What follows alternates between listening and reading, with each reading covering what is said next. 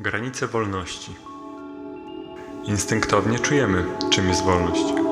Choć częściej doświadczamy jej ograniczenia, w skrajnych przypadkach jest nam odbierana, to działa to też w drugą stronę.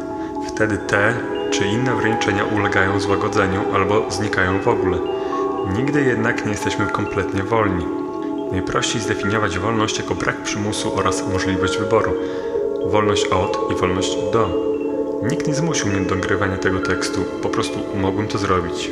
I zrobiłem. Jestem więc wolny? Tak, ale nie. Jestem na tyle wolny, na ile pozwalają mi na to granice mojej wolności. Uświadomienie każdej kolejnej granicy intensyfikuje poczucie ograniczenia. Nawet jeśli moje położenie nie zmienia się i tak samo nagrywam ten tekst, jak nagrywałem go kilka minut temu, to każda krótka refleksja na ten temat poszerza rozpiętość skali.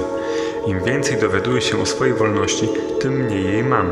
Nie trafię do więzienia za samo rozmyślanie o byciu wolnym, ale jest to o tyle niebezpieczne, że mogę uczynić więzienie z samej egzystencji.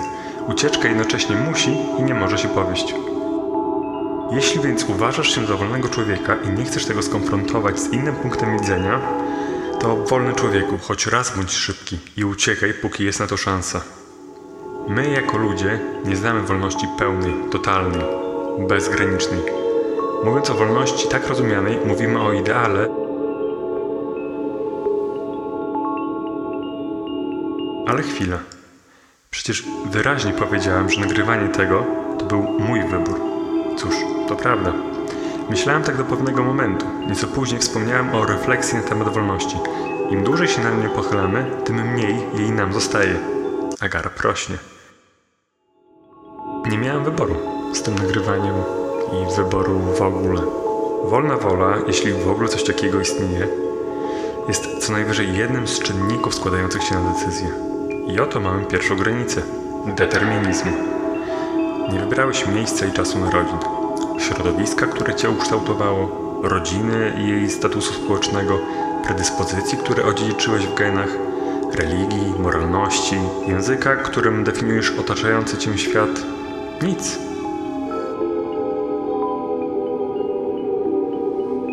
Ale zaraz, może nie jest tak źle. To ty zdecydowałeś, że będziesz tego słuchać dalej, mimo ostrzeżenia. I też ty zdecydowałeś się w ogóle kliknąć w ten filozoficzny podcast, a więc wcześniej musiałeś postanowić, że zainteresuje cię filozofia. A ta dziedzina, jak żadna inna, wymaga refleksyjności. A ty taki właśnie jesteś. Wspaniały wybór. Tylko kiedy go dokonałeś? W szkole podstawowej czy nieco później? I za tym ma stać wolna wola, nie żadne doświadczenia, geny, wychowanie. No ciekawe, ciekawe. Idźmy dalej.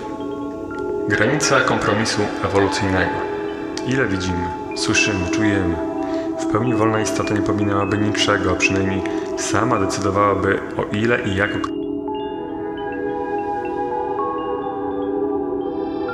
Dzień poczerwieni, a taki wąż boa już tak.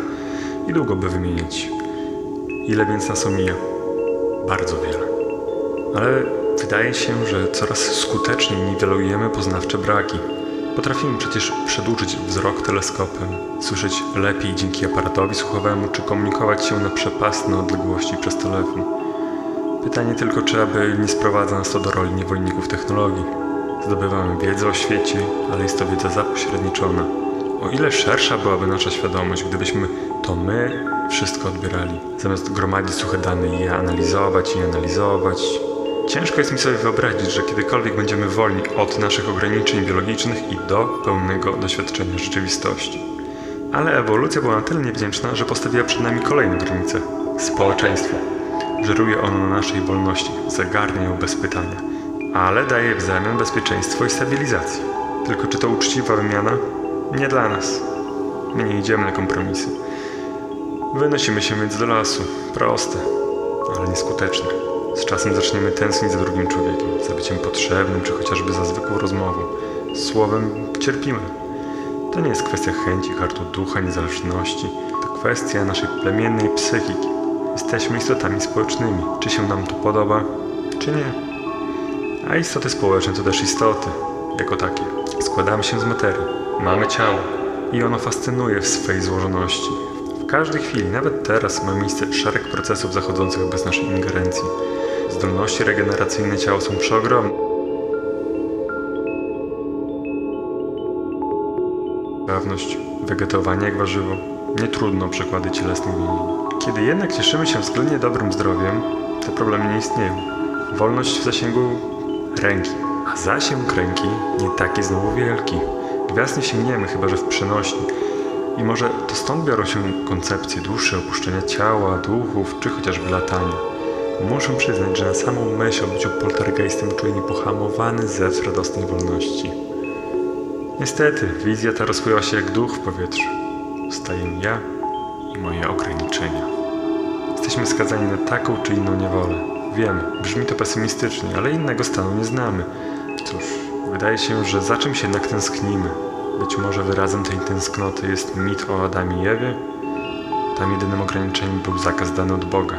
Jeden zakaz, którego złamanie było pierwszym i ostatnim krokiem do pełni wolności. Co się stało między złamaniem zakazu a wygnaniem? Co takiego ujrzeli Adam i Ewa? Nie jesteśmy predestynowani do wolności, ale jej ulotne poczucie może nam wystarczyć. Skok na bungee, bujna wyobraźnia, wygranie w totka, zdobycie szczytu górskiego. Mamy tylko i aż tyle. Musimy docenić te granice. Bez nich wolność byłaby bezkształtna i bezimienna, nieuświadomiona. Nie byłaby dla nas nawet potencjałem. Paradoksalnie więc, dzięki granicom wiemy o wolności cokolwiek. Przypatrzmy się jej i dążmy. Jeśli nie do osiągnięcia jej, to chociaż do poczucia, że jest. To musi nam wystarczyć.